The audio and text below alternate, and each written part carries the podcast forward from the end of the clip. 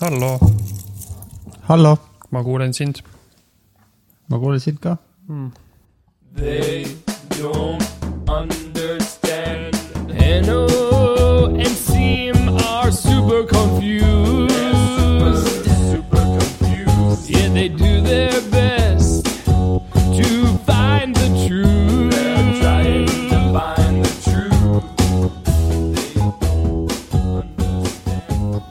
meil on üldse, et kas meil on midagi millestki tagasi rääkida Sulevist? Sulevist on rääkida, jah. ikka ta ei ole meil midagi kirjutanud ega joonistanud. Äh, ta on kirjutanud meile küll. on või oh!? sa ei ole küll, sa ei olegi ta lugenud. sa, ma ei tea, kas kõik, kõik kuulavad, kes on, ma ei tea, kas kõik kuulajad, kes kuulavad, on äh, kuulanud juba algusest peale, aga meil on äh, tükk aega olnud probleem, et Sulev ei kirjuta meile, kuigi ta tahtis seda teha juba ammu ja siis me tegime temale igasugused võimalused andsime, et seda teha. aga siis me tüdi-, siis äh, lõpuks Siim kirjutas Sulevile ise ma joonistasin talle talle tegelikult, aga ühe sellise naljaka pildi. ja siis Sulev lõpuks kirjutas meile äh, tagasisidet. Seitsmenda episoodi kohta kirjutas. ma ei tea, kas sa, seitsmes episood. kas sa nüüd oled, nüüdseks juba selle kirja avanud? ei ole, ma ei tea, kust isegi ausalt öeldes, ma ei teadnud, kustkohast seda avada mm., kas see on, no ta saatis selle sulle vist kas see on sinu, tavalise emaili peale või? ta nagu vastas meile. võib-olla see läks sulle siis junk'i. ma võib-olla lihtsalt pole veel märganud, kas siin on Su-, Su-, Sulev, on küll Sulev jah?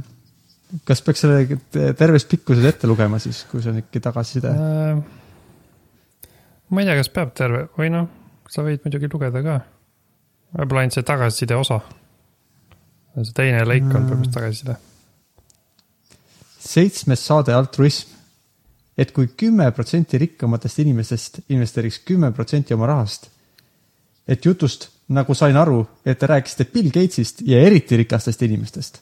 samas teeme ise, olete ju ka seal kümne protsendi sees, selle lehe järgi isegi kuskil ühe protsendi juures ja tal on üks link siin äh,, globalrichlist.com et ma äkki tõlgendasin äh, valesti teie dialoogi, aga ei tunne, et nemad, eriti rikkad, peaks kümme protsenti andma, samas mõtlemata, et te ise olete ka üks neist rikkuritest. ühesõnaga, me rääkisime seal, et, et keegi ütles, et äh, ühes TED Talkis ütles üks tüdruk, et kui kümme protsenti rikkaimatest annaks kümme protsenti oma sissetulekust, siis saaks igast asju teha. Mm -hmm. ja siis Sulev siin ütleb, et aga me ise oleme ka seal kümne protsendi sees rikkaimatest maakodanikest. aga me seal rääkisime justkui me räägime mingist miljonäridest, et ausalt öeldes ma mõtlesin küll, et ta mõtleb nagu, et. Et mingitest nagu ülirikastest inimestest kümme protsenti annaks oma sissetuleku, kuigi ma praegu siis eile vaatasin üle, et seal tegelikult oli sõnastatud nagu top ten percent. nii et võib-olla ta ikkagi mõtleski, et kümme protsenti rikkaimatest inimestest ja siis tõesti, kui vaadata seda Sulevi linki, ma olen vaadanud teisi mingeid kalkulaatoreid ka. et eh, mina küll ei jää sinna sisse, et Sulev vist arvab, et ma olen natuke rikkam, kui ma olen. Ma olin kuskil seal neljateistkümne protsendi sees, aga tõenäoliselt sina ja Sulev olete jah, seal kümne protsendi sees, kui sa paned sinna oma umbkaudu oma sissetuleku, siis sa tõenäoliselt leiad, et sa oled seal kümne protsendi sees. kuigi, jah, ja küm-, kuigi kümme protsenti oma tüdrukust ma küll ei anna kellelegi Mm. mm. praeguse seisuga mm.. mm,. oota, kas sa vaatasid, sa oled siis kümne protsendi sees põhimõtteliselt jah? ma olen kümne protsendi sees kuigi üks jah. teine kalkulaator, ma vaatasin, seal sai panna ka, et mis su nagu kodus, mis su kodus toimub, selles mõttes, kellega sa koos elad. et eh, sul, sul on mm. -hmm. ju ka naine ja laps ja see muudab ka seda protsenti päris Jaa. palju. aga seal, mis see link, mis Sulev andis, seal sa ei saa seda, seda osa nagu määrata. no ühesõnaga, ta mõtleb seda, et me rääkisime nagu mingit kümme protsenti rikastest, aga tegelikult me oleme ka nagu seal lähe-, noh, mina ei ole päris kümne protsendi sees. sest ma ei ole nii rikas, aga Sulev ilmselt on ja siis sina oled ka. ja me tõesti ei anna kümme protsenti oma sissetulekust praegu ära. mm. -hmm. ma proovin mõelda, kui palju oma sissetulekust ma ära annan äh,. Äh, võib-olla null koma üks protsenti või ikkagi ühe protsendi vist, peaaegu ühe Mm. protsendi võib-olla. okei, jah, ma arvan um,, umbes üks protsent on, mis ma, mul on siuksed paar äh, kümne rahaühikulist igakuist äh, toetust, mis mul on üles seatud mm. -hmm. ja see teeb niimoodi kokku, teeb umbes, ma arvan, umbes ühe protsendi. ja ma peaksin kümme, kümme korda rohkem tegema seda. jah, see tundub päris palju juba, jah, kuigi see, sest see oleks siis nagu mõnisada vähemalt, eks ju. Mis on kindlasti nagu tehtav, aga praegu mm. -hmm. mina, ausalt öeldes ma isegi ei, meil on küll, meil on plaanis ilmselt üks episood kunagi rääkida ka rahast ja raha kogumisest mm. ja kuidas sellest üldse mõelda. aga üks asi, mida ma võin öelda, et ma kindlasti tahaks palju rohkem koguda, kui ma praegu kogun, praegu mul ei ole isegi sihukest nagu äh,. isegi e- enda jaoks ma ei säästa äh, korralikult nagu, et iga regu- regulaarselt mingit summat, siis sihukest päris suur summa panna annetuseks jah, äh, tundub äh, ma, jah, see, päris palju, aga võib-olla peaks ikka tegema seda. see, mul on sama, meil, meil on sama asi, et me ei kogu, aga, aga jah, tegelikult kui natukene korraldaks seda raha, raha teemat oma elus ümber, siis nagu sihukest summat ilmselt koguda ei ole või võimatu. kokkuvõttes ei saanud väga palju ära. aga ma uuesti kordan, et ma, mina seda praegu ei tee, nii et ma ei saa siin kellelgi öelda, et, et okei okay,, hakka koguma, enne kui ma ise ei kogu okei okay., ja seda ma peaksin ilmselt oma ülejäänud perekonnaga ka arutama, kas ma võin kümme korda rohkem hakata annetama mm.. ilmselt peaksid nii et äh, ma siis, ma panen selle omale kuhugi nimekirja, et ma tõstatan selle teema perekonverentsil mm. mm.. millal sul perekonverents toimub ma ei tea, ilmselt siis täna toimub Mm. mm., muidu ma unustan ära selle teema püst-, püstitada okei okay..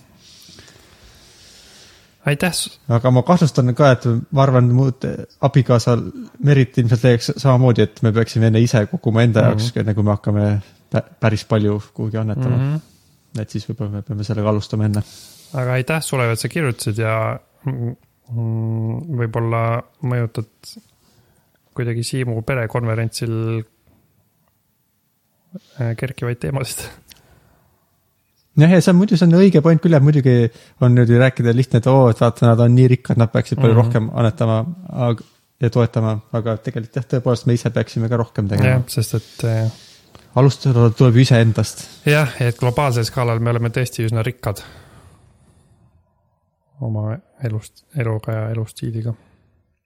rohkem ta vist ei kirjutanud midagi. aga vist ei kirjutanud jah? ühesõnaga, ta lihtsalt vabandas, et ta ei kommenteerinud, aga nüüd peaks hakkama nagu neid tulema talt neid kommentaare, ma saan nii aru. siis saame teada, mida selline arvamuse kujundaja nagu Sulev arvab meie podcast'ist. aga mis siis veel sul, kas sul on mingid äh, midagi eelmist, et aa, oota, mul, kas ma tahtsin midagi? Mul tuleb meelde, ma tahtsin lugeda, mul pärast eelmist osa, kus me rääkisime toidust, tuli mulle post, postkasti National Geographic, mille pealkiri oli tulevikutoit. ma mõtlesin, et oh, seda oleks hea lugeda ja siis nüüd see osa rääkida, aga näed, ma unustasin ära, ma ei lugenud sealt midagi. aga seal kohe esilehel oli suurelt, et tulevikutoit, taimne, sünteetiline liha ja mis kõik muu veel. ma siis üritan järgmiseks korraks sealt lugeda midagi. Mulle sellega seoses tuleb meelde, et ma äkki nägin ka mingit reklaami, et see Impossible Burger äkki tuleb äh, minu kodu lähedale kuhugi mm.. okei, või no mitte nagu kodu-kodu lähedale, Linna. aga siia äh, UK kanti Mm. kuhugi. no väga hea, siis, siis me saame hakata Aga- söömas käima seal. võib-olla jah, aga ma nägin seda lihtsalt siukest nagu mingit reklaami märkasin, aga ma ei ole veel kontrollinud, mis see tähendab, kas millal ja, või, või kas ta on juba saadaval või, Mm. aga jah, võib-olla siis saame seda proovida kunagi vähemalt. muidu toitumisega seoses võimalus on olemas. ma endiselt söön kana, nii et ma ei ole veel muutunud veget-, vegetaarianiks. Mm mm.. ma söön samu asju ja ma endiselt ei söö veel eriti tervislikult. Aga natuke tervislikumalt ka mitte või kas no, see, see on, sest et mulle on vähemalt natuke mõjus see, et küll, et me, kui me sellest rääkisime, siis nüüd ma olen jälle noh, natukene, veidikene rohkem ja mõtlen, noh, kas mul on vaja võtta see burger või võtan ikkagi midagi muud äh,. sihuke, see mõjutas mind natukene ka No. et ma, ma ostsin päev pärast seda poest näiteks sööb brokoli, mille ma viskasin üleeile ära. väga hea. Äh, et ühesõnaga natuke aega pärast seda ma olin natuke tervislikum, aga nüüd viimased mingid pool nädalat ma olen söönud väga palju magusaid asju jälle ja nüüd need magusad said otsa ja nüüd ma loodetavasti hakkan jälle natukene tervislikumaks. ja söön lihtsa, lihtsamaid asju,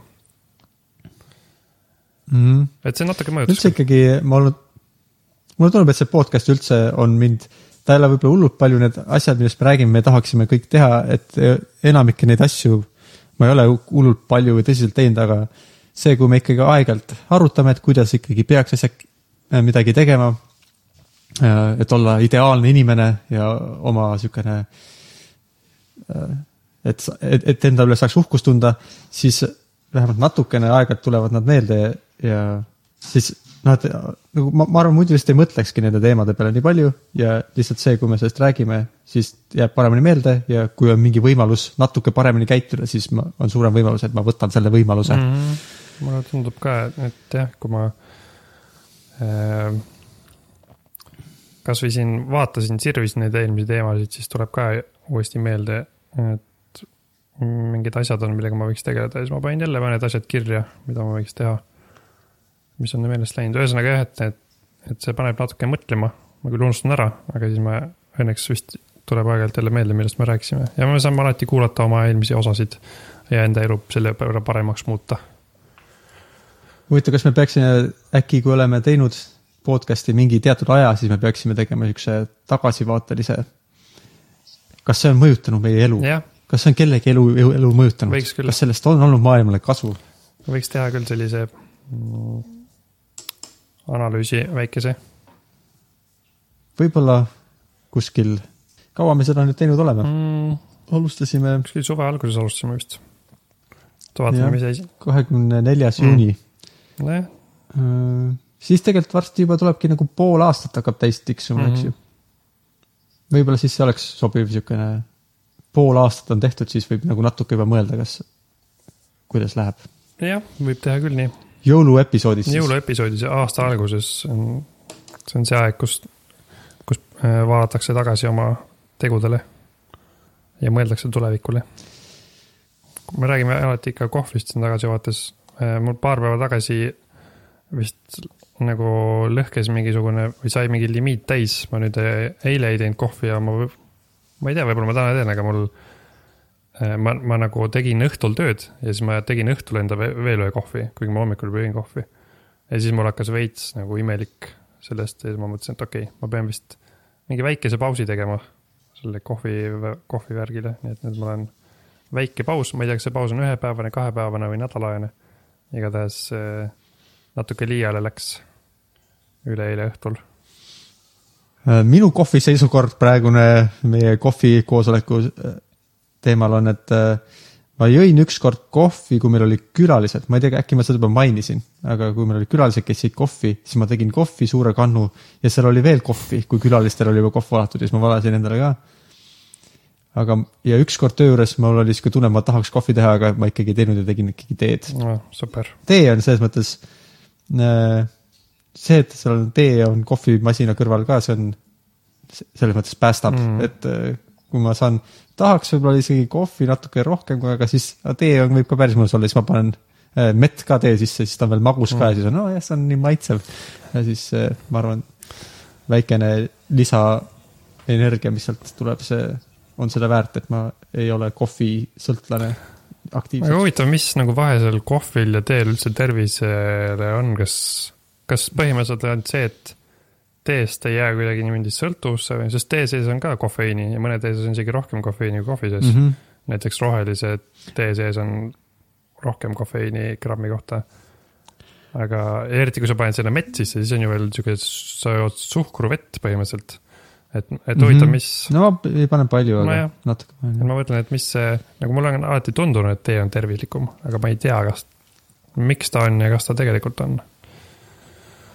Kas sa selle kofeiini äh, fakti kohta tead nagu konkreetselt, mida see tähendab, kas tee kui selle pulbri sees on rohkem kofeiini grammi kohta kui kohvi sees või selles joogis, mis sa teed sellest teest pärast on grammi kohta rohkem kofeiini mm. ma ei mäleta seda praegu. sest see tundub mulle natuke uskumatu, aga võib-olla on tõesti,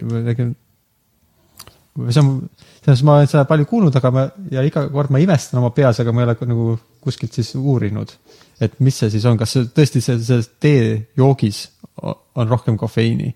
sest et ilmselgelt ta ei anna mulle sa- kaugeltki mingit sarnast efekti nagu kohv, sest et kohvi puhul ma tunnen kohe, kuidas mu käitumine muutub ja nagu mm. mu mõtlemine muutub, aga tee puhul ma ei ole seda kunagi märganud. mm,. ma praegu vaatan siit Mayo Clinicu lehelt, et äh, siin on näiteks sellised numbrid äh,. et musta, tavalise musta kohvi sees, siin on USA ühikutes, nii et kakssada kolmkümmend seitse milliliitrit sisaldab üheksakümmend viis kuni sada kuuskümmend viis milligrammi kahve, kofeiini. ja näiteks kakssada kolmkümmend seitse milliliitrit musta teed sisaldab vähem, sisaldab kakskümmend viis kuni nelikümmend kaheksa milligrammi. aga, kusjuures jah, siin praegu ma vaatan, et äh, roheline tee sisaldab ka umbes sama palju, et ma ei tea jah, kas äkki ma need, äkki need teised numbrid olid siis selle kuivaine kohta või? võib-olla, sest et see oleks natuke loogilisem minu jaoks, et seda ma kujutan ette, et, et, et võib-olla tõesti teetaimes on palju kofeiini, aga me lihtsalt ei, aga kohvis on see uba, mis on nii tihe ja siis sealt noh, et gramm grammile küll, aga lihtsalt kohvi sa paned palju rohkem võib-olla oma selle ja sellepärast selle joogi sees on siis pärast rohkem kofeiini. see ei üllataks mind nii palju. Ma leidsin ka mingisuguse, otsisin, kas uh, does tea have more caffeine than coffee ja siin on ka kohe mingi pilt, kus, et kohvis ühes mingis kapis on sada viiskümmend milligrammi, aga teedes on siin jah, matšas on seitsekümmend viis ja mustas on viiskümmend ja rohelises on kakskümmend viis ja et nagu ikkagi vähem kofeiini. mm, okei okay.. vaatan ka veel ühte tabelit. tee black green R-types mm. -hmm. jah, praegu, kui ma ikka, praegu on igal pool ikkagi numbrid eh, näitavad, et kohvis on palju rohkem. huvitav, me veel rääkisime Liisaga sellest, et oo, rohelises tees on nii palju kofeiini, ma ei teadnudki. aga noh, okei okay., ühesõnaga, aga see ei ole vist ainus asi muidugi, mis seda mõjutab, et kui tervislik või mitte tervislik mingi asi on. ja see kohvi asi on praegu Ja no- üldse segane, et mingid uurimused tulevad, kuidas tuleb välja, et kohv on hoopis tervisele kasulik, kui sa jood seda iga päev, hoiab ära diabeeti ja äh, Alžeimerit ja mingeid siukseid asju, aga aga ma ei tea, ma ei, ma ei ole sellesse nii süvenenud, et, et sel teemal praegu äh, häid argumente jagada Mm mm, -hmm. sest nad jah, see uur- uuringute tulemustega on üldse asja, et nagu me rääkisime selles, et kuidas midagi teada episoodis, et üksikud uuringud võivad erinevaid tulemusi näidata, aga selleks, et tegelikult vist teada, on vaja sul, et oleks palju uuringuid, mis näitavad ühte tulemust, sest et sarnased teemad on ju ka kogu aeg kas mingi veini joomisega ja nagu, et keegi ikkagi leiab, et mingis kontekstis on ikkagi kasulik natukene veini juua mm. -hmm. aga siis vist, kus nüüd uuriti neid kõiki uuringuid, mis sel teemal tehtud on, siis ikkagi vist tundub, et pigem alkohol ei ole kunagi kasulik põhimõtteliselt mm. -hmm. sulle, ükskõik mis koguses, seda jah, et lihtsalt. et ma arvan, et nii eh, sihuke avastus, et kohv on kasulik või tee on kasulik, on nii põnev, et sellest kohe räägitakse ja sellepärast mm -hmm. ma arvan, on väga võimalik, et need vähesed uuringud, mis leiavad mingi positiivse seose, võivad olla natuke ekslikud või, aga neist räägitakse proportsionaalselt rohkem kohe, sest see on niisugune nagu üllatav Jaa. tulemus. nojah, sest see on ikka tõsi, ma arvan, et igaüks on tundnud seda, et kui sa jood ikkagi päevas natuke liiga palju kohvi, siis sul hakkab, nagu on hetki, kus sul on hakanud kuidagi halb. et eh, see ilmselt tähendab midagi selle kohta, kas see on sulle hea või mitte, ma arvan. mm. -hmm, jah, kui su keha ise saab ka aru, et midagi Mhm. on halvasti, siis on, ma arvan, sihuke tõenäoline, et see on sulle päriselt ka Jep. vähemalt natukene negatiivse mõjuga. ja üks asi veel, miks ma peaks mõtlema uuesti selle kohvi peale, on see, et eile me rääkisime Liisaga, Eestis on, Liisa valgustas mind, et Eestis on populaarne üks eh, sihuke äh, väljend nagu kolmeeurone kohv. ma ei tea, kas sa tead sellest midagi? ma ei ole sellist väljendit kuulnud, mis see tähendab? see tuli ühest artiklist, kus üks mees kirjutas, et äh, ärge ostke kolme eurost kohvi, sest et kui seda ostate, siis kohv ongi nii kallis ja ta ei peaks olema nii kallis ja nüüd see on nagu sihuke väljend, mida kasutatakse. ja siis ma hakkasin ka uurima, ma mõtlesin, et oh, et kui ma kodus teen, siis ma teen ikka palju odavamalt kui kolme euro eest. ja ma vaatasin, et praegu see kohv, mida ma ostan, sellega tuleb mul kodune tassi hind üle euro, mis on päris palju, sest ma paar aastat tagasi vaatasin, siis tuli mul mingi kolmkümmend senti, nii et ma pean, ma hakkasin kohe mõtlema, kas ma saaks kuidagi ise hakata röstima ube, kas ma pean kuidagi ostma mingit, otsima mingi odavama kohvijoa, mis mulle kõlbab, ühesõnaga ma avastasin, et see kohv, mida ma joon, on läinud umbes kolm korda kallimaks, kui ma arvasin, et see on. ma pean sellega tegelema, ei tahaks nii palju raha vist panna selle peale, Mm -hmm. nii ja eks kui eelmise saate teemas meil oli eetilistest valikutest natukene vist äh, sihukestes küsimustes. et kohvi puhul vist on ka natukene, et, et kuidas seda kasvatatakse ja kas see nagu need inimesed. no et see on ka küsimus, et kui sa seda kohvi jood, et siis äh, kuidas sa mõjutad mingeid teisi inimesi, kes kuskil mujal maailmas seda kohvi kasvatavad ja sa Jah. mõtled, et, et kas äh,, äh, kas ma tahtsin öelda, et kas need inimesed, kes kohvi kasvatavad, saavad selle eest väärilist tasu või midagi sihukest ma tahtsin. jah, Mhm. niisugune küsimus, kas nemad saavad oma väärilist tasu ja kas see, kas, ma ei tea, kas kohv on eriliselt tuntud selle poolest, aga et, et kas näiteks kasvatatakse kuskil kohvi, kus tegelikult oleks seal piirkonnas oleks vaja kasvatada ka toitu, sest et inimestel ei ole piisavalt toitu, aga kuna kohv on nagu aa, okei, okei, äh, kallim, siis äh, võib-olla jääb nagu süüa vähemaks seal piirkonnas. no mingid siuksed küsimused, millest ma arvan, on raske nagu kohe teada, et see on halb, aga vähemalt Mhm. äh, asi, mille peale võib mõelda. jaa, tõesti. sellega seoses ma olen mõelnud kunagi, kunagi ammu mõtlesin, et lahe oleks reisida nendesse kohtadesse, kust tulevad kõik need äh, asjad, mida me sööme, noh, ma ei tea, mingi riis ja kohv siis näiteks, et noh, näha, näha reaalselt seda kohta, kust tuleb, kust, kus kasvab see toit, mida ma kodus söön, mis ei ole Eestist siis pärit. sihuke väike mõte, kuhu reisida. sa mõtled kohe kohe põllu peale vaatama minna? just, et otsid üles selle koha ja lähed vaatad. ah, siin ta kasvab jah, selle, ma arvan, et sihuke, see tundub päris põnev jah, selle võiks isegi, ma kujutan ette, et võib-olla organiseeritakse isegi siukseid äh, konkreetselt selle mõttega mingeid reise mm.. äh,, et mine vaata, kust su toit tuleb.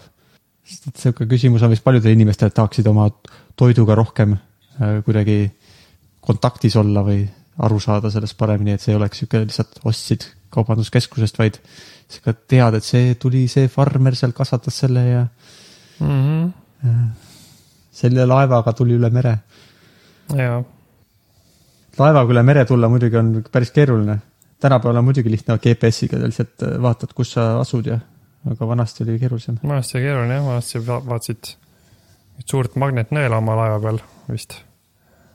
ja siis Mm mm, -hmm. või tähti taevas või midagi. või tähtid, jah, tõenäoliselt pidid põlema ka korraga, onju, aga nüüd, nüüd eh, tehistähed taevas juhatavad sind ise, kuhu sa pead minema.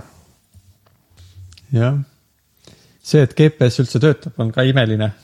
et kuidas, kuidas, kuidas üldse, kas sa tead, kuidas GPS töötab või kuidas sa saad mingi, kuidas sa saad siukse väikse masinaga täpselt teada ühe meetri täpsusega, kus kohas sa maakera peal oled, see tundub päris imeline. see on jälle siuk- üks sihukest asja, sest et ma tean enam-vähem vist, kuidas see peaks töötama, aga tegelikult mul pole aimugi, kuidas ta siis nagu otsast lõpuni töötab, et eh, ma saan aru, et vist on siis niimoodi, et minu seade eh, siis ühendub vähemalt kolme erineva GPS-i satelliidiga kuskil meie orbiidil.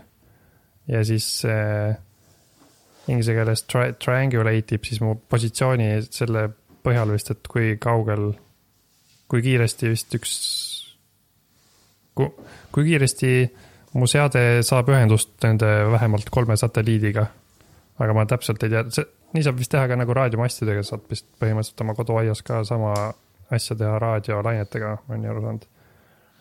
aga see on umbes see, see, kuhu mu teadmised, mil-, jõu-, on jõudnud selles, selles osas Mm, see tundub vist jah, et minu arust huvitavad asjad on seal see, et näiteks need satelliidid on vist on sellel statsionaarsel äh, on, kas on äh, GPS satelliidid vist on geostationary orbi-, orbiidil, mis tähendab, et nad on, kui nad on orbiidil, nad püsivad maakera kohal täpselt samas kohas kogu aeg, kas see on õige või? Äh, ma olen aru saanud küll, et, et geostationary äh, orbiit tähendab seda jah. ja see oleks vist loogiline, oota, ma just. To popular belief GPS satellites are not in geosynchronous or geostationary orbits. aa, okei, Neid ei olegi. Okei okay., jah, siis, aga siis on kohe keerulisem aru saada, kuidas see saab olla, et ma mõtlesin, et nad on ühe koha peal ja siis on nagu lihtne, et nad ütlevad umbes, kus kohas see satelliit on mm. Mhm. ja siis sa saad teada, kui kaugel sa sellest oled ja siis sa saad trianguleerida, aga kui sa ei tea, kas nad siis peavad kogu No aeg siis- arvestama siis... enda liikumisega ja siis nad nii-öelda lahutavad selle ja siis. nojah, näed, me ei teagi, kuidas see töötab. Tuleb välja. okei okay,, siis on natuke igatahes keerulisem kindlasti, et nad peavad oma, need satelliidid peavad väga täpselt teadma, kus nemad seal kosmoses mm -hmm. Mhm. on, mis on vist enam-vähem lihtne, sest et kui sa nagu kui saadab meie seal ei ole nagu mingit tuult või No midagi, on ju, et mis neid lükkaks, et nad lähevad täpselt niimoodi nagu aasta aega tagasi sa planeerisid, siis sa tead täpselt, kus aasta aja pärast see satelliit on, sest et tal on, tal on lihtsalt see orbiit ja mitte midagi muud teda ei mõjuta, lihtsalt keerleb seal no.. no põhimõtteliselt vist küll, kuigi seda orbiiti vist peab hoidma, et, et selles mõttes sa pead vist ikkagi kuidagi arvutama, et ta oleks. nojah, ühesõnaga sa pead vist orbiidil ju kogu aeg teda hoidma, sest et kui sa seda ei tee, siis ta lõpuks kukub alla. kas ma olen õigesti aru saanud või on see vale?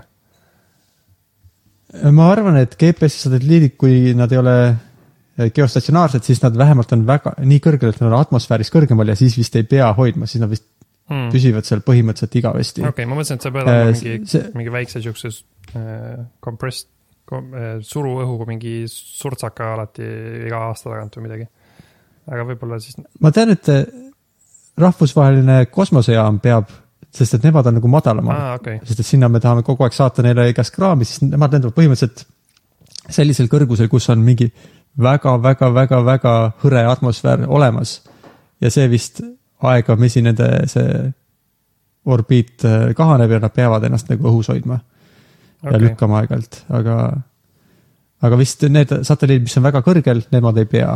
kas siis see kosmosejaam on sellel madalal orbiidil äh,, kuidas, ma ei oska üldse eesti keeles neid termineid, ma vaatan, kas orbiidid, kas ma leian mingisugused sõnad, mida ma saaks kasutada siin sellest rääkides. maalähedane orbiit on vist siis see äh,, kus on kosmosejaam või? äkki, Mm -hmm. jah, siin on maalähedane Äh, orbiit, geostatsionaarne orbiit ja kõrge keskmise kõrgusega orbiidid. aa, okei okay. see, maalähedane orbiit on kakssada kuni kolm tuhat kilomeetrit. keskmise kõrgusega orbiit on umbes kahekümne tuhande kilomeetri kõrgusel ja geostatsionaarne orbiit on kõige kõrgem, see on kolmkümmend viis tuhat seitsesada kaheksakümmend kuus kilomeetrit. väga täpne number. jah, ja, ja rahvusvaheline kosmosejaam siis Vikipeedia andmetel on umbes neljasaja kilomeetri kõrgusel, nii et ta on selle madala orbiidi, mitte kõige madalamas osas, aga üsnagi seal all ääres mm. -hmm. päris madalal jah. et ta on vist... maale võrdlemisi lähedal. ma ma oleks öelnud, et ta on ikkagi tuhandete kilomeetrite kõrgusel, aga hoopis nelisada kilomeetrit Mm mm.. siis sinna vist ei lähe väga kaua aega maa pealt. Äh, vist jah, see on ikkagi mm,. ma täpselt ei tea, aga mul on sihuke tunne jah, et kui on, ma olen vaadanud mõnda neid äh, SpaceX, kui on viimasel ajal kosmoserakette õhku lasknud, siis nad näitavad oma striime ja ma olen mõnda neid striimi vaadanud ja üks minu meelest nendest oli, kus nad saatsid midagi sinna rahvusvahelise kosmosejaama peale. ja mul on tunne, et seal oli juttu mingitest tundidest, kui ta kohale nagu jõuab kohale. enamik sellest ajast vist on ikkagi muidugi see, et kui ta on juba sinna kosmosesse jõudnud, et siis nagu seal viimased orb-, orbiitide nagu äh, kokkuviimise operatsioonid võtavad aega, aga mitte nagu, et, et sinna lähedale vist jõuaks väga kiiresti, ma arvan, sinna lähedale jõuab minut, nagu kümnete minutitega õigele kõrgusele mm. -hmm. aga et äh, veel pärast seal sättida, nii et on täpselt sama kiirusega ja samas suunas ja niimoodi siuksed asjad, see võtab vist kauem aega. Mm -hmm. Kogu see ühendamine võtab ka vist päris kaua aega. jah, sest et, sest et kui kiiresti see kosmosejaam ümber, kui tihti need äh, mitu ringi ümber maakera nad päevas teevad, see on mingi vähemalt kaks või? üsnagi mitu, eks ei, ju. mitte rohkem isegi vist. mul on meelest, mul on tunne nagu, kas see ei ole umbes kümne ringis või? see on viis miili sekundis, seitseteist tuhat ükssada viiskümmend miili tunnis ehk siis üheksakümmend kaks minutit, üheksakümne kahe minutiga teeb ühe ringi maale. ja teeb päris palju ikka jah, mm. -hmm. okei okay.. Neil on ja vist kogu aeg päikesetõus ja, või päikeseloojang mm Mhm. -hmm. pidevalt seal. ja päris tüütu, kogu aeg tuleb ruloo ette tõmmata kui magada tahad mm. mm. -hmm. magavad nad muidugi siukses mingis to- toredas kotikeses seal vist. ma ei tea, kas sa oled vaadanud siukseid videosid, kus nad demonstreerivad, kuidas nad seal kosmosejaamas elu käib? mul on mingi pilt silmes, kuidas nad nagu panevad ennast mingi laua külge justkui kinni ja siis lähevad sinna kott, magamiskotikese sisse või? Kas ma tean õige või, põhimõtteliselt jah, on vist või see kott on laua sihuke magamiskott, mis. noh, ma ei tea, kas see on nagu laud või see on nagu sihuke põhimõtteliselt sihuke kapp, nii palju kui ma aru saan, sihuke nagu sirmiga kapp mm., kus nad tõmbavad sihuke sirmi ette, et keegi sinna, noh, et nad magavad seal privaatselt. aga põhimõtteliselt ja nad veel lisaks lähevad seal siukse koti sisse, mille nad tõmbavad lukuga kaelani kinni. põhimõtteliselt sellepärast, et nad välja ei hõljuks, sest et äh, kosmosejaamas vist põhiline probleem kõikide objektidega on, kaasa arvatud inimestega, see, et kui sa ei jälgi, siis nad lihtsalt hõljuvad kuhugi minema mm. -hmm. et äh, neil on vist seinad seda siukest äh, krõpsusid täis, et kui on vaja midagi käest ära panna, siis sa paned seina külge, sest et kui sa selle lihtsalt lahti lased, siis avastad selle kaks nädalat hiljem kuskilt, ma ei tea, oma hommikusöökide vahelt. jah, need on see, et see krõpsusid ja igal pool seintes on ka, ma olen näinud need eh, kummist need paelad või trossid, kummipaelad, mis hoiavad asju kinni. ma Mm -hmm. praegu jah vaatan fotot, kuidas hunnik mehi on justkui sein-, seinade küljes kottide sees ja kotid on nagu mingite äh, sihukeste rihmadega siis ka veel kinni. tundub, et nad lähevad sinna koti sisse mm. -hmm. ja siis tõmbavad rihmadega ennast sinna vastu seina kinni. tundub, niimoodi. Mm -hmm. ja nemad siin otseselt mingis kapis ei olegi, nad on lihtsalt siin üksteise kõrval seina peal ah,. pea panevad ka kinni, vähemalt üks, ühel mehel on pea ka pandud kinni mingi rihmaga seina külge. mm.. okei okay,, ma vist näen neid pilte jah. ma ei tea, kas võib-olla, ma olen näinud ka mingid, aga vähemalt äh, mõned Youtube'i videod on, on olnud siuksed, kus nad lähevad siukse väikse nagu kapi sisse, aga ma näen jah neid pilte ka, kus nad lihtsalt on kõik koos ühes mõni, magamis. mõne mõnel on jah sihuke kapike ka, ma vaatan mõne pildi peal. ma ei kujuta ette, mis tunne on nagu olla kaalutolukas, ma, ma olen kunagi hüpanud eh, lennukist välja. aga ma ei ole vabalangemises olnud, aga noh, see üks väike hetk on ikkagi sihuke nii- nii-öelda kaaluta oleku tunne. ja see on üsna sihuke paanikasse ajav tunne. et no ilmselt sellega sa harjub ära, kui sa pead seal olema nagu aasta otsa.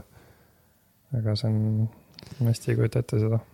eks nad treenivad selleks. jah, vist treenivad päris palju jah, peab ju. käivad ilmselt tihti ka selle lennukiga sõitmas, mis, mis matkib kaaluta olekut, mis ilmselt siis hästi kiiresti vist sõidab alla või, ja siis justkui sa seal sees hõljud. sest sa tegelikult ka kogud mm. mm.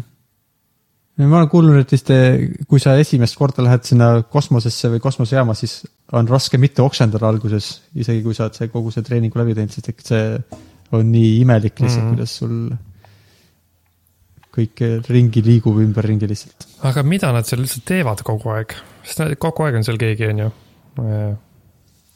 pikk, päris pikka aega. jah, see on jah, nad teevad väga palju trenni, ma tean, aga see ole ilmselt see põhjus, miks nad sinna lähevad mm. -hmm. see on pigem, et vältida seda, et nende luud hõredaks läheks ja muud või ja lihased ära känguks, sest et tuleb välja, kui sa seal kaalutolekus oled, siis vist äh, eriti füüsilist jõudu ei ole vaja peaaegu mitte millegi jaoks, sest et lihtsalt ükskõik kuhu sa tahad minna, vaikselt lükkad seinast ja lihtsalt lendad mm. Mm -hmm. mingit takistust ei ole jah. -hmm. aga midagi nad kindlasti teevad. Kas sa, kas sa, kas sina tead, mida nad teevad? ma, mul tekkis see küsimus, ma guugeldasin ja ma leidsin nagu siukse pika nimekirja. et mis eksperimendid seal käsil on.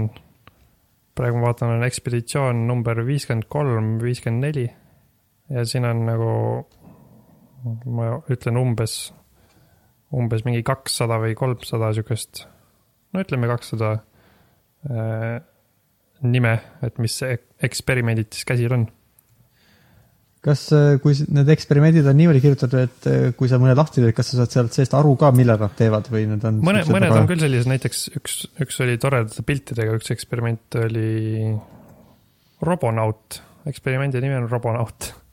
see on vist, et eh, NASA ehitas sellise robot, siukse an- Androidi välimusega masina, inimese, natuke nagu inimese moodi, kes siis mm. -hmm. üritab neid vist seal siis kuidagi aidata, tal on käed ja jalad ja sihuke eh, kiiver on peas Äh, ma võib-olla panen pärast sinna märkmetesse ka niisugused toredad pildid ka, kus need eh, kosmosejaama elanikud on koos temaga poseerivad seal.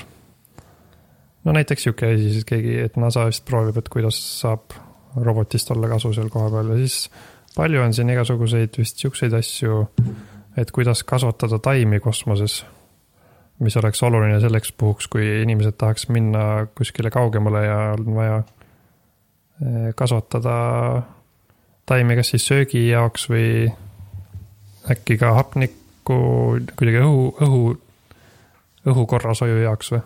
ma ei ole päris kursis, kuidas mm..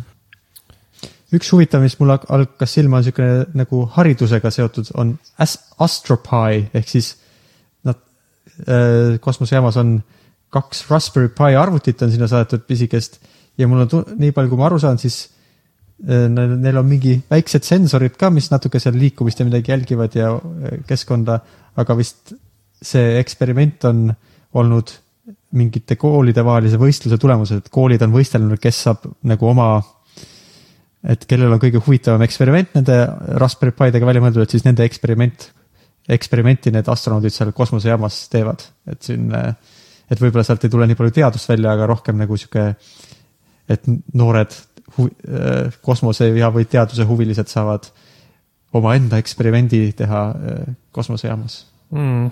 päris huvitav jah, seda ma ei, ei, seda ma veel ei näinudki. aga siin hästi palju on ka selliseid nii- nii-öelda background eksperimente. selle sõna ma mõtlesin ise praegu välja, milleks on päris, aga noh, algusest peale on käimas eksperiment CEO, mis on eh, Crew Earth Observations, mis tähendab seda, et nad teevad lihtsalt pidevalt maakerast eh, oma fotokatega pilte. ja siis seda saab kasutada nagu erinevate eesmärkide jaoks kas üldiselt eh, vaadata, kuidas, mis see ilm siin maa peal teeb, mis, kuidas kliima muutub, kuidas eh, jää sulab või siis saab ka näiteks infot anda mingite katastroofide kohta, mingite metsapõlengute või, või eh, orkaanide kohta. ühesõnaga, see eksperiment on kestnud algusest peale. tuhat üheksasada kuuskümmend üks hakkas pihta. ja siis on ka eksperiment eh, nimega ISS Ham Radio. Tähendab seda, et kui teoreetiliselt vist peaks olema võimalik, et kui sul on raadiosaatja kodus, siis sa saad nendega ühendust võtta, kui nad su pea kohalt mööda lähevad. ma täpselt ei tea, kas, oota, kuidas seda saab siis teha, mida sa selle jaoks peab? no sul peab olema see raadiosaatja, sihuke korralik ja Mm. sul antenn õigesse, õigesse kohta suunatud, siis ja kui see läheb su pea kohalt mööda, siis kosmosejaam, siis sa peaks nendega saama ühendust läbi selle raadiosaatja. Ja saad küsida neilt mõned küsimused, siin on küll kirjas, et õpilastel on aega üheksa minutit küsida neilt küsimusi. et ma ei tea, ilmselt see on siis ikkagi peab kok- kokku leppima ja võib-olla ei saa igaüks seda teha, aga. aga see Hmm. selles mõttes peaks saama, kui neil on see sisse lülitatud, siis sa peaks nendega vist saama ühendust võtta. aga ilmselt see ei ole neil kogu aeg sisse lülitatud. üks huvitav eksperiment, mille kohta ma juba eelnevalt teadsin, on ju Eesti myoton, mingisugune lihase mõõtmise Mm. masin. ja see on olnud telek- Äh,, telekas aasta tagasi vist räägid sellest rohkem natukene. jah, See ja vist see on ka siin sellel, et see vist mõõdabki seda, millest sa rääkisid, et kui palju on lihased justkui kaotavad oma massi ja tugevust või? vist. ma mäletan seda ka kuidagi niimoodi, aga siin sel-, ta on igatahes siin ka selle NASA äh, eksperimentide nimekirjas on olemas, otsid myoton ja siis seal on Mm -hmm, on kirjas siin on. kirjas, mida nad tegema pidid. ja tõesti, need kirjeldused on üsnagi siuksed lühidad, omajagu tehnilised, aga siuksed saab aru küll nagu umbes, mida nad seal nagu teha tahavad ja. jah, et äh, mõõdab siis biochemical properties of muscles during long-term exposure of spaceflight environment. jep, ma mäletan jah, see oli mingi sihuke seade, mis annab väikse löögi vastu su lihast ja siis just mõõdab, et kui palju ta tagasi põrkab või midagi siukest. Developers Tallinn Estonia. tõesti Eestist pärit. jah, aga siin on jah, palju hakkab silma on nagu jah, mingeid taime, taimedega seotud asju, vaatame, mis nad siin teevad. Nad vist uurivad, et näiteks, mis erinevused on kosmoses kasvatatud taimedega võrreldes maa peal kasvatatud taimedega. et kuidagi mm, juured kasvavad näiteks teistmoodi, on siin kirjas. aga praegu selle eksperimendi tulemus on veel postitamata. ma näen, siin on ka looma, loomadega eksperimente, näiteks Mouse Stress Defense. aga kirjeldus on nii keeruline, ma nagu kohe küll ei saa aru, mida nad nende vaeste hiirtega seal kosmoses teevad. kas nad tõesti Aga- on hiired kosmosesse viinud või? Ma ei ole isegi selles ausalt öeldes päris kindel, aga vähemalt nimi viitab sellele, et äh, sest kui ma, üks hiirtega seotud eksperiment oli nii, et nad viisid eh, külmkuivatatud hiire spermat kosmosesse ja tõid selle maa peale tagasi ja vaatasid, kas on, kõik on korras ja tuli välja, et kõik on korras pärast üheksat kuud kosmoses olemist. et sa said väikseid hiiri veel sellest. jah, aga vaatame, kas siin äh,, kas nad tõesti on viinud hiiri kosmosesse. Mice are sent to International Space Station after return to Earth the mice are examined through histo- histology metabolome gene expression. ja tundub, et ikka päris hiired saadetakse kosmosesse mm. Ja pärast tuuakse kosmosest tagasi. tundub nii jah, okei okay., väga huvitav. huvitav, kas äh, need on kõige suuremad loomad, keda on saadetud kosmosejaama? Äh, ma ei tea jah, äärmisel juhul võib-olla aga minu jaoks on see selles mõttes huvitav, et, et, et see tähendab, et no et kui, ütleme, et on keegi inimene, kes ei ole nii väga kosmosehuviline või ma ei tea, mingi laserite või ma ei tea, kosmosemootorite huviline, aga teda huvitavad loomad, siis isegi siis võib ta mõelda, et äkki, äkki on, oleks, saab mingi huvitava eksperimenti välja mõelda ka loomadega või bioloogiaga või no sihukeste asjadega, mille peale sa, mille peale sa kohe mõtleks, ei seostaks kosmosega, aga need võib-olla äh, on sihuke võimalus, et neid äkki oleks mingeid huvitavaid eksperimente, mida just seal kosmosejaamas nendega teha. mm. -hmm. sest üldiselt on nagu suurem osa nende eksperimente ongi seotud sellega, et vist siis, et, et kuidas see asi töötab sellises keskkonnas, on ju, vist. või kuidas see mõjub kaalutaolek pikaajaliselt mingile asjale. kuidas kaalutaolekust ja-, ühesõnaga. et ja ma ei tea, kas see põhjus on vist, miks nad neid eksperimente just teevad sihukeste bioloogiliste teemadel, on see, et nagu Marsile lendamine ja siuksed teoreetilised pla- plaanid tulevikus, mille puhul on hädasti vaja olla väga pikka aega seal kosmoses ja on vaja süüa ja kõiki neid, kõik need bioloogilised funktsioonid peavad töötama, et siis, et see kosmosejaam on sihuke hea koht, kus uurida pikaajalisi kosmose mõjusid erinevatele organismidele või funktsioonidele enne seda reisi, kui sa hakkad kuhugi Marsi peale lendama, sest et mm Mhm. -hmm. Kui kaua üks Marsi peale lendamine ja tagasi tulemine aega võtab? mulle tundub, et see oli aastate küsimus või? vaatame, sest et isegi vist see kõige, kõige soodsam, kus Marss ja Maa on üksteisele kõige lähemal, võttis vist, mul on tunne, et a la kaheksa kuud või no mingi selline peaaegu aasta ja no pärast tuleb veel ju tagasi ka ei tulla. leiagi kohe seda vastust, aga minu arust oli jah ikka aastaid ja ma mäletan, keegi vist ütles, et kui nema, nende tehni-, tehnoloogia valmib, siis see võtab ainult kolm kuud aega ja see oli suur asi. Siin on üks mingi Universe Today artikkel, kus öeldakse, et äh, maa pealt Marsile võtab sada viiskümmend kuni kolmsada päeva sõlt-, sõltuvalt sellest, kui äh, no et kus maa ja Marss Mhm. on ja kui, ja kui palju energiat me sellesse kosmoseraketi alla paneme, aga niisugune vähemalt pool aastat võtab ühe, ühes suunas reis. ja mul on tunne, et et kui kohe tagasi tulla, siis see võtab kauem, sest et siis ei ole enam Marss ja Maa nii soodsatel positsioonidel, et tõenäoliselt peaks sinna lendama, veetma mingi aja seal ja siis tagasi tulema tunduvalt hiljem. Mhm. et aga ilmselgelt jah, nagu kauem, kui inimesed seni on kosmoses veetnud. Mhm. kaua see, kes meil oligi kaua aega seal kosmosejaamas? kas astronaut Scott? Scott Kelly või? jah, Scott Kelly Days, vaatame, mitu päeva oli, kolmsada, äkki oli kolmsada nelikümmend kaks päeva. Mhm, tundub Mhm. küll jah. See on peaaegu aasta. jah, tuhande üheksasaja kaheksakümne seitsmendal aastal veetsid Vladimir Titov ja Musa Manarov kolmsada kuuskümmend viis päeva aga mitte Mm. kosmosejaamas, see oli Mirri peal. okei, aga no see on nagu selles mõttes äh, ikkagi kosmoses. mm. -hmm. jah, et selle üle aasta siis eriti pole veel keegi olnud, tundub. Mm -hmm. Ja Scotti puhul oli põnev see, eks ju, et ta on, tal on ka kaksikvend, jah, kes on samuti astronaut, kes ei veetnud seda aastat kosmoses. ja et siis äh, neil oli vist see suur osa sellest eksperimendi huvist oli see, et kui tema on aasta seal ja ta kaksikvend on aasta aega maa peal, et siis missugused on nende erinevused enne ja pärast seda. mm. vist midagi väga katastroofilist sealt ei leidnud, aga, aga, aga oli omajagu erinevusi küll vist sihukestel nagu ka geneetiliselt ja selliseid nagu, et oli mõjutanud Scotti see kosmoses veedetud aeg. aga ma ei mäleta, et oleks aastatud midagi sellist äh, hirmsat, et me ei saagi olla kosmoses aasta aega või ei saa Marsi peale minna jah, ma mäletan kunagi keegi vist avastas, et ta pikkus muutus, aga siis tuli välja, et keegi tegi vist mingi arvutusliku vea. vist jah, tegelikult ta ei läinud pikemaks. jah, sest et oli vist oli mure, et kui ta läheb liiga palju pikemaks, siis ta ei mahu enam oma skafandri sisse ja ei saa tagasi Mhm. tulla. mm. -hmm. see oleks päris halb olukord, peaks uue skafandri saatma. viimasel ajal üldse seal kosmosejaamal on vist päris huvitavaid asju olnud või no kosmo-, sinna kosmosejaama minemisega. näiteks äh, hiljuti oli see äh, lend, mis, kus oli, tekkis probleem.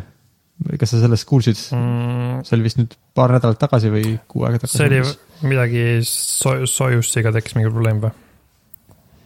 jah, et üks, üks äh, rakettidest, mis esialgse suure kiiruse neile annab, ei tulnud sellest äh, ülejäänud raketikompleksi küljest lahti õigel hetkel mm.. ja, ja siis loomulikult see mõjus väga halvasti kogu, kogu õhku tõusmise protsessile ja siis see, see soojus, nii nagu ta sinna üles läks, kukkus kohe potsti alla ka tagasi. et, vist astronaudid, evakueerusid astro siis, jah? astro, jah, õnneks automaatsed süsteemid eh, tuvastasid üsna nagu mõne sekundiga või vist isegi kiiremini kui sekundiga, et, et sellest eh, lennust asja ei ole ja see nende ja siis selline päästesüsteem lülitus sisse, mis nad sellest ülejäänud raketi puntrast, mis seal ringi keerles, eemale lükkas ja tagasi maa peale tõi mm.. aga kuna nad olid just sihukeses väga ebamugavas kohas, et nad ei olnud veel nagu kosmosesse, nad olid põhimõtteliselt kosmose piiri peale jõudnud, aga nad olid äh, Nad olid juba väga kõrgel, aga mitte piisavalt kõrgel, et nad oleks saanud niimoodi, sest tavaliselt, kui nad sealt kosmosest tagasi tulevad, nad lendavad läbi atmosfääri niimoodi paralleelselt tükk aega, et võtta hästi palju kiirust maha. aga, aga sujuvalt nagu aeglustada mm., aga kuna nad olid enam-vähem otse üles lennanud, siis nad kukkusid enam-vähem otse alla tagasi ka. ja sellises, sellel juhul see kiiruse vähenemine on väga nagu, väga kiire, et nad aeglustavad hästi kiiresti, vist oli kuus või seitse eh, korda suurem jõud mõjus neile, kui gravitatsioon on, et see on nagu selline, et kui sellises keskkonnas väga kaua olla, siis eh, kuus või seitse vist ei ole veel surmavad, aga no juba kümme on vist juba surmav, kui sa oled seal rohkem kui paar sekundit mm.. nii et neil oli nagu väga, väga intensiivne niisugune kogemus sealt tagasi tulemisega. okei okay.. et vist eh, huvitav on muidugi see, et nad tagasi tulles loomulikult nad ei saanud lihtsalt seal nagu, et oo oh,, me siis tuleme tagasi, vaid neil oli vaja selles väga ekstreemses keskkonnas oma seda soojussit juhtida ja seal checklist'e ja asju läbi teha ja kontrollida, et kõik ikka õigesti toimub, nii et eh, ne- neil oli nagu väga põnev, mitu okay. minutit. ma just ta- tahtsin öelda, et, et noh, päris tüütu, et istud seal raketis ja mõtled, et lähed kosmosesse ja siis tuleb välja, et ei lähe ja siis on ilmselt sihuke, sihuke mossitad seal ja oled pettunud, aga neil vist polnud siis aega eriti mossitada. jah, jah. kui nad maa peale jõudsid, siis võib-olla oli aega passitada, aga, Mm -hmm. aga teekond tagasi oli väga intensiivne. aga kuidas see nagu üldse, sa natuke rääkisid sellest, kuidas pead mingi nurga all siit välja lendama, kuidas see käib, et äh, kõigepealt algab sellest, sa oled mingite põhimõtteliselt mingite väga suurte kütusetünnide küljes, mis sind nagu siis hakkavad õhku tõstma ja et, Mm -hmm. et, et suur osa, enamus sellest raketist, mida me tavaliselt näeme õhku lendamas, on, on ainult, on nagu see osa, mis siis lihtsalt sind viib sinna atmosfäärist välja ja siis kukub alla tagasi, jah. vist küll jah, ma tean, et on vist erinevaid süsteeme ka, et kas on kütusetünnid on, kas nad on vedelikkütus või on äh, keemiline kütus mingi, mis põleb lihtsalt kõik ära. eks ta on kõik keemilised, aga sihuke, kas ta on sihuke vedel või tahke, mis küsimus. et mul on tunne, et selle soojuse raketil on mitu sihukest tahkraketti, mis, mida ei saagi, mis lihtsalt põlevad jah täiesti ära ja, ja kukuvad tagasi alla mm. -hmm. aga näiteks SpaceX-il on, SpaceX-i omad on vist sellised, mis tulevad tagasi ja maanduvad, mis on väga põnev, mida saab ka, millest on videosid mm, -hmm. et et nad jätavad natukene kütust sinna veel oma raketi sisse ja kui nad on ülejäänud kosmose, kosmosesse mineva paketi küljest eemaldunud, siis nad keeravad otsa ringi ja tulevad tagasi maa peale mis säästab vist päris palju raha ja selle tõttu on ka nagu nüüd viimasel ajal kosmosesse asjade saatmine nagu odavamaks läinud mm. -hmm. see vist. aga protsess ise jah? Äh, praegu mingi pealkiri leidsin, et, et SpaceX-i rakettidega millegi kosmosesse saatmine on kolmsada miljonit dollarit odavam kui tavalisega. ma ei tea, kui täpne see on, see on nagu suur pealkiri, aga. et ilmselt on siis ikkagi sadades miljonites dollarites odavam, tundub jah, see sõltub vist, et kui suurt asja ja kui palju sa saadad, sest et mingites, no et mingite sõlt-, kui on vaja midagi väga suurt kosmosesse saata, siis need SpaceX-i raketid vist põhimõtteliselt ei saa seda üldse teha. ja teatud piirist neil ei ole piisavalt kütust, et tagasi tulla ja siis nagu need eelised. Et te, et teatud asjade jaoks on SpaceX väga odav, aga mitte ilmtingimata kõikide äh, kosmosesse lendavate asjade jaoks mm. -hmm. aga üldiselt on vist jah, mis sa enne rääkisid, et kuidas sinna kosmosesse lennates on ju tegelikult väga suur osa sellest massist, mis kosmosesse lendab, on kütus mm. -hmm. sest et sul on vaja väga palju kütust, et jõuda kosmosesse ja kõik selle kütuse sa pead nagu kaasa võtma raketiga. ja siis äh, tõesti alguses, ma ei teagi, kui palju, kui palju ühest kosmoseraketist on kütus, ütleme soojusest. tundub, et sa otsid. aga see kütust on vaja nii, nii palju, sest et et see gravitatsioon on siin maa peal päris tugev, on ju. -hmm. kui sa tahad ikkagi ühte kapslit, kus on mitu inimest sees ja hunnik tehnikat ja palju kaitsekihte. kui sa tahad seda viia maa pealt ära, siis probleem on selles, et nii palju gravitatsiooni, kas see õhutakistus on ka kuidagi nagu suur osa sellest, miks on vaja palju kütust või see on nagu väike asi või? õhutakistus on kindlasti mingi asi, millega arvestatakse küll jah, sest et mul on tunne, et ekvaatorilt on äh, vist kallim asju kosmosesse lasta, sest et seal on atmosfäär on natuke lopergune mm. -hmm. kuna maakera nagu keerleb. ja siis õhk ja kui ta peab rohkem õhust läbi minema, siis see läheb kallimaks, nagu see läheb piisavalt kallimaks, et see on nagu kaalutlus, mis on inim-, nagu millega arvestatakse, kui asju kosmosesse lennutatakse mm. -hmm. aga teatud orbiitide jaoks on vist kasulik, et kui sa tahad geostatsionaarset orbiiti, mis on nagu siis mõnikord on kasulik ikkagi seda sealt teha. aga sa rääkisid ja... midagi, sa rääkisid sellest midagi, et, et tuleb nagu nurga all lennata välja, et miks, ma olen alati ka vaadanud, et miks nad ei lenda otse üles, vaid lendavad nagu, nagu kurviga üles taevasse, need raketid. värk sellega on uh,? sest et selleks, et orbiidil saada, mingi hetk sa pead nurga alla minema, sest et sul on vaja aa, sa pead nagu. Äh, kui sa otse üles lendad, siis sa kukud otse alla tagasi ka. põhimõtteliselt ükskõik, kui kaugele sa lendad, no mitte ükskõik kui kaugele, kui sa lendad täiesti maa gravitatsioonist välja, siis või noh äh,. lõpuks ma, sa piisavalt suure kiiruse korral sa ei kuku kunagi tagasi. Et orbiidil püsima jääda, sul peab olema väga suur kiirus, on ju, sest nagu ma olen aru saanud, siis orbiidil olemine tähendab seda, et sa põhimõtteliselt kukud kogu aeg maa poole, aga sa kukud kogu aeg mööda, on ju. -hmm. et äh, see sinu külje suunas liikumine on nii kiire, et, et see teekond, mis sa kukud nagu maa poole, on väiksem kui see, mis sa seal külje poole eest ära lendad, nii et sa, kui sa, kuigi sa kukud kogu aeg maa poole, sa kukud alati nii, et sa ei lähe maale lähemale mm -hmm. lõppkokkuvõttes mm.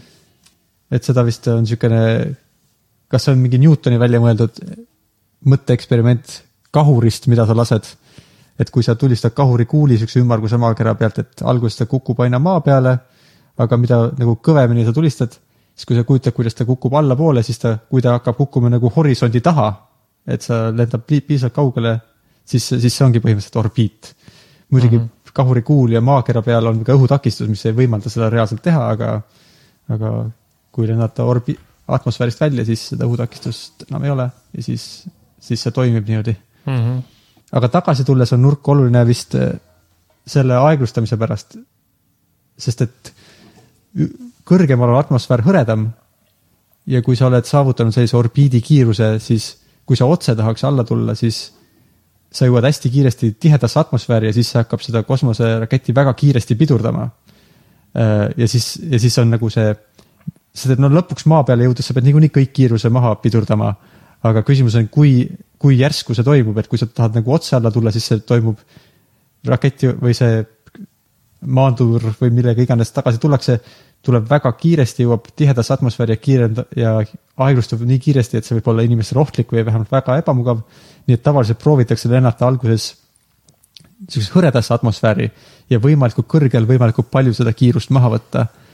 et see nagu, või no, et see kokkuvõttes toimuks võimalikult sujuvalt okei, et ei oleks vä- ühtegi väga ebamugavat hetke, et, et määritakse see aeglustamine võimalikult pika perioodi peale, et see oleks, see tipphetk oleks võimalikult äh, leebe inimestele. okei, selge, et, et põhimõtteliselt kui otse tuleks alla maa poole, siis on veits sihuke tunne nagu lendaks nagu kui sa hüppad, hüppad kõhuga vastu vette. nojah, jah, see on päris hea analoog, see on põhimõtteliselt, mida need astronaudid selle soojusi tagasi tulemisega pidid tegema, sest et nad ei olnud veel jõudnud nii kõrgele, et see oleks väga, et neil see külje suunas liikumine ei olnud veel, nad ei olnud veel sellesse faasi jõudnud mm. Oma õhku tõusmisel okei, Nad olidki jõudnud lihtsalt, et enam-vähem otse üles ja siis enam-vähem alla tagasi. mitte päris otse, muidugi nad tegelikult keeravad juba varem natukene, aga no selge. nüüd ma siis tean, kuidas saab kosmosesse. mm. -hmm. me rääkisime natuke Marsist, miks üldse Marsi peale, kas sina tahaksid Marsi peale minna? ma ei tahaks, praegu küll ei tahaks tegelikult, see tundub päris eh, suur katsumus seal olla. sest seal ei saa hingata, esiteks. seal on tõenäoliselt külm Mm -hmm. ja seal ei ole nagu eriti midagi teha. või noh, üldiselt ilmselt seal kohapeal siis tehtaks eh, sarnaseid eksperimente mõnes mõttes, et kuidas kasvatada taimi ja kuidas, ma ei tea, elada nii, et sa ei raiska mitte ühtegi asja. see on ka vist üks asi, mida nad seal kosmoses peavad tegema, nad ei saa eriti nagu midagi ära visata, on ju. Nad ei saa nagu lihtsalt vett kraanist alla lasta, nad peavad seda vett taaskasutama Mm -hmm. ja oma pissid taaskasutama tõenäoliselt veena Jah. ja mm. -hmm. ei tundu Äh, eriti maitsev, aga jah, aga noh, Marsile mineku mõte vist üldiselt on see, et siis kauges tulevikus saaks seal elada või, kas ma olen õigesti aru saanud? või on mõte selles, et see on vist paljude inimeste mõte küll, jah. mm.. teine asi on vist, mida, mis oleks kasulik, kui sa tahad, et sealt on hea ilmselt minna kuskile edasi. sest seal on väiksem gravitatsioon ja sealt on äkki lihtsam midagi. kuigi see on vist kuuga, rohkem kuu teema või, et kuu pealt saata rakette, sest seal on väiksem gravitatsioon. jah, eriti vist oleks, kui kuu pealt äh, õnnestuks nagu äh, mingisugust raketikütust toota, et seal Mhm. on vist kuu peal on ka vist, ma vist ei eksi, kui ma ütlen, et seal on mingisugune vesi on kuskil kuu, mingi jäätunud vesi või? või, või võib-olla ma eksin, aga, aga et igatahes mingisugune aine on seal, mida, millest võib-olla õnnestuks kütust teha. ja siis oleks eriti efektiivne kuu, sest et sealt on tõesti väga lihtne äh, ära lennata ja kui sinna saaks teha mingi siukse kompleksi, kus toodetakse näiteks kütust, siis võiks lennata maa pealt kõigepealt sinna kuu peale ja võtta ainult natuke kütust kaasa. noh, see on ikkagi mm Mhm. -hmm. päris palju, et kuu pealegi jõuda, aga aga et kui sealt edasi Marsile lennata näiteks, siis seda kütust ei peaks sellesama raketiga maa pealt kaasa võtma, siis see oleks päris suur võit. või saaks mm -hmm. sellesama raketi laadida uut kütust täis kuu peal näiteks või kuu, kuu orbiidil äh, näiteks Mm -hmm. sellega tegelikult sa ju ei pea kuu peale maanduma, vaid võib-olla kuu pealt saadetakse sulle kütus vastu kuu orbiidile ja siis sealt lennad edasi kuhugi. sest Okei. et kui vaadata neid vanu filme või noh, kuidas seal kuu peal käisid, kui inimesed, kui veel käisid kuu peal kuuekümnendatel, seitsmekümnendatel, et siis äh, see on ju päris pisikene niisugune kuu maandur, millega nad maanduvad kuu peale ja pärast tõusevad tagasi kuu pealt õhku, et seal kohtu saada, kohtuda selle maa peale lendamise raketiga, see on, see ei ole, see ei näe absoluutselt välja nii nagu maa pealt äh, raketid, mis tuleb tohutult palju Mhm. mingit tuld ja hästi välja lendab hästi aeglaselt üles, see on nii lihtsalt pšiuh ja lendab üles. ja natuke mingit tolmukeeris on all, et siukene ja et ilmselgelt palju väiksem ettevõtmine sealt kuu pealt üles saamine. nojah, sest et eh, kuu gravitatsioon on ju, kui maa peal on üheksa koma kaheksa, see number, siis kuul on üks koma kuus, mis on mis on siis. no viis korda väiksem või? no umbes kuus, kuus koma üks korda väiksem, -hmm. et see on siis. ja see on kõik, eks ju, kui sa siukse selle rakettide laskmisega, siis see kõik mõjub eksponentsiaalselt, et, et, et see ei ole lihtsalt, et siis on sul vaja kuus koma üks korda vähem kütust, et õhku tõusta. vaid see number on palju, palju, palju, palju väiksem, sellepärast et, et sul on vaja kuus korda vähem, et kuue korda vähema kütusega sul on vähem kütust juba alguses kaasas, nii et sa ei pea seda suurt hulka kütust, mis sul oli kaasas, et ülejäänud kütust üles tõsta, vaja kaasa võtta. nii et kokkuvõttes see on eksponentsiaalselt vähem. ja ma leidsin mingisuguse numbrid ka selle kohta, kui palju kütust on vaja. ja siin on, ma ei tea täpselt, mida need numbrid tähendavad, aga siin on öeldud, et solid rocket'i puhul on üheksakümmend kuus protsenti äh, massist, mis äh, raketi massist on kütus, et kui seda orbiidile saada. Üheksakümmend kuus protsenti on päris palju, et Päris ma arvan, et kuu peal on see number. no ma ei oska nüüd öelda, kui palju ta kuu peal on, aga ma pakuks äkki on viis protsenti või midagi nagu tunduvalt väiksem number kui, mitte lihtsalt kuus korda väiksem. Mm. ja praegu on, kas praegu on nii ka, et kui näiteks Marsile tahetakse minna, et siis peaks kuidagi, kas tehakse nii, et, et sa nagu kasutad kuud ära, et sealt kuidagi hoogu juurde saada või? Et sa lähed nagu ümber kuu, et nii- sihukest nagu slingshot'i efekti tekitada ja siis lendad edasi natuke kiiremini. kui ma õigesti olen aru saanud. ma ei tea jah. ma ei ole see Marsi orbiidist, ma ei tea, Marsi peale lendamise optimaalsetest äh, marsruudist ma ei tea, kas äh, kuud kasutatakse selleks. kuidas see, kuidas see toimub, et äh, see kuu sulle hoogu juurde saab anda? Äh, ma ei tea, mis oleks hea näide, mida tuua. See igatahes to- toimub kuidagi nii, et sa nagu äh,. aa, põhimõtteliselt see toimub just nii, et sa justkui võtad kuust kinni, piltlikult öeldes. ja see. kuidas saab kuust kinni võtta? sest sa lähed kuule nii lähedale, et see kuu gravitatsioon justkui äh, natuke võtab sind endaga kaasa. okei, ja ilmselt siis see kuu liikumiskiirus, sa siis oma nagu äh, võtad kuult seda kiirust, sest kuu liigub mingi kiirusega ümber maa. Ja siis, kui sa sealt kuu pealt nagu kuu gravitatsioonist väljud, siis sul on juba kiirem hoog sees, sest ta laenab sealt kuult natuke kiirust, kui ma õigesti aru saan. ma ei ole praegu luge- lugenud seda kuskilt, aga mulle tundub, et see on nagu loogiline. okei, ma proovin siis ette kujutada, et see on siis natuke nagu nii, et sa lendad nagu kuu taha, et kuu liikumisest tahapoole, aga piisavalt lähedal, et kuu hakkab siin enda poole sikutama Mm -hmm.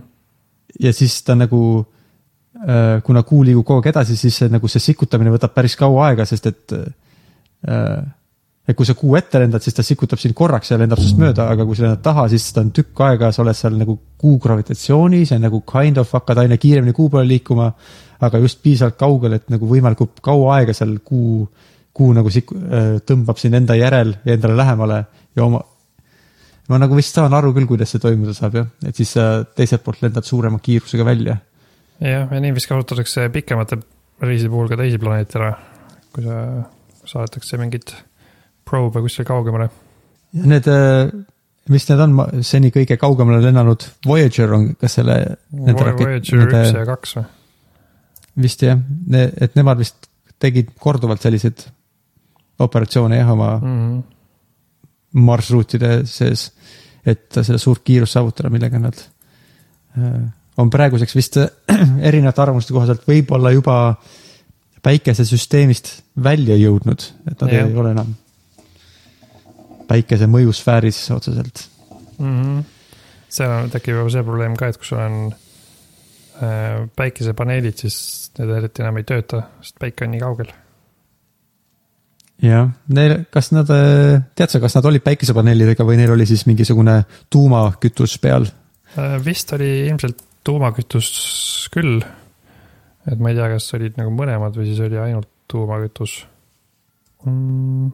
Two types of fuel. One to power, üks on nagu nii-öelda nende liikumise jaoks üks kütus ja teine on nagu elektri jaoks ilmselt, et siis sidet pidada. aga see RTG vist on see radio isotope thermoelectric generators, mis on radioaktiivne niisugune tuumajaamake pili, no mitte nagu Ah, okay., tuumajaam klassikalises mõttes, aga mis äh, asi, mille sisse sa inimesena ronida ei taha, sest et see lõhub su geenid ära ja toodab elektrit. aga kui me küsisime, et kas sa tahaksid minna Marsi peale ja Marsi peale me mõtlesime, et me ei taha praegu minna, aga eh, kas sa lendaksid raketiga ümber kuu, nii nagu eh, ma saan aru, kosmoseturistid mõne aasta pärast justkui peaksid tegema BFR-i nimelise raketiga, mis on siis Mm. Big Falcon Rocket, vist ma ei tea, praegu mulle tundub, et ma üldiselt ikkagi ütleks ei sellele asjale, sest see, see sellises seisus nagu praegu kosmose reisimine on, see vist võtab päris palju mu elust. et selleks valmistuda ja sellega tegeleda ja päris, kui me nagu rahast praegu üldse ei räägi. et see on, mulle tundub natuke liiga suur ettevõtmine. praegu minu jaoks, võib-olla kui mul oleks mitte midagi teha. oleks aastaid mitte midagi teha kuule, aga mul on praegu sihuke asi, et eh, ma pean minema koju ja Saamoli vanni panema. see peaks äkki jätkama sama asja järgmine kord, sest ma olen nii palju. jah, meil oli siin mitu põnevat Pole teemat veel, pole veel poole pealegi jõudnud teemadega. mm. -hmm. aga teeme siis nii, tänan huvitavate faktide ja ideede eest kosmosevaldkonnas jah, tänan sullegi, sain ka targemaks. ja toredat, toredat äh, vanni tegemist. aitäh sulle, sulle, mis sa tegema lähed, ma tahan sulle ka midagi öelda. võib-olla hommikust sööma, sest ma tegelikult ei ole veel hommikust söönud. aa, okei okay,. tervislikku. hommikusööki äkki. head tervislikku hommikusöögi isu sulle, aitäh, aitäh Okei. Henno. palun. võib-olla kohtumiseni siis järgmisel korral. jah, järgmisel korral Tšau. jät- jätkame, to be continued, tšau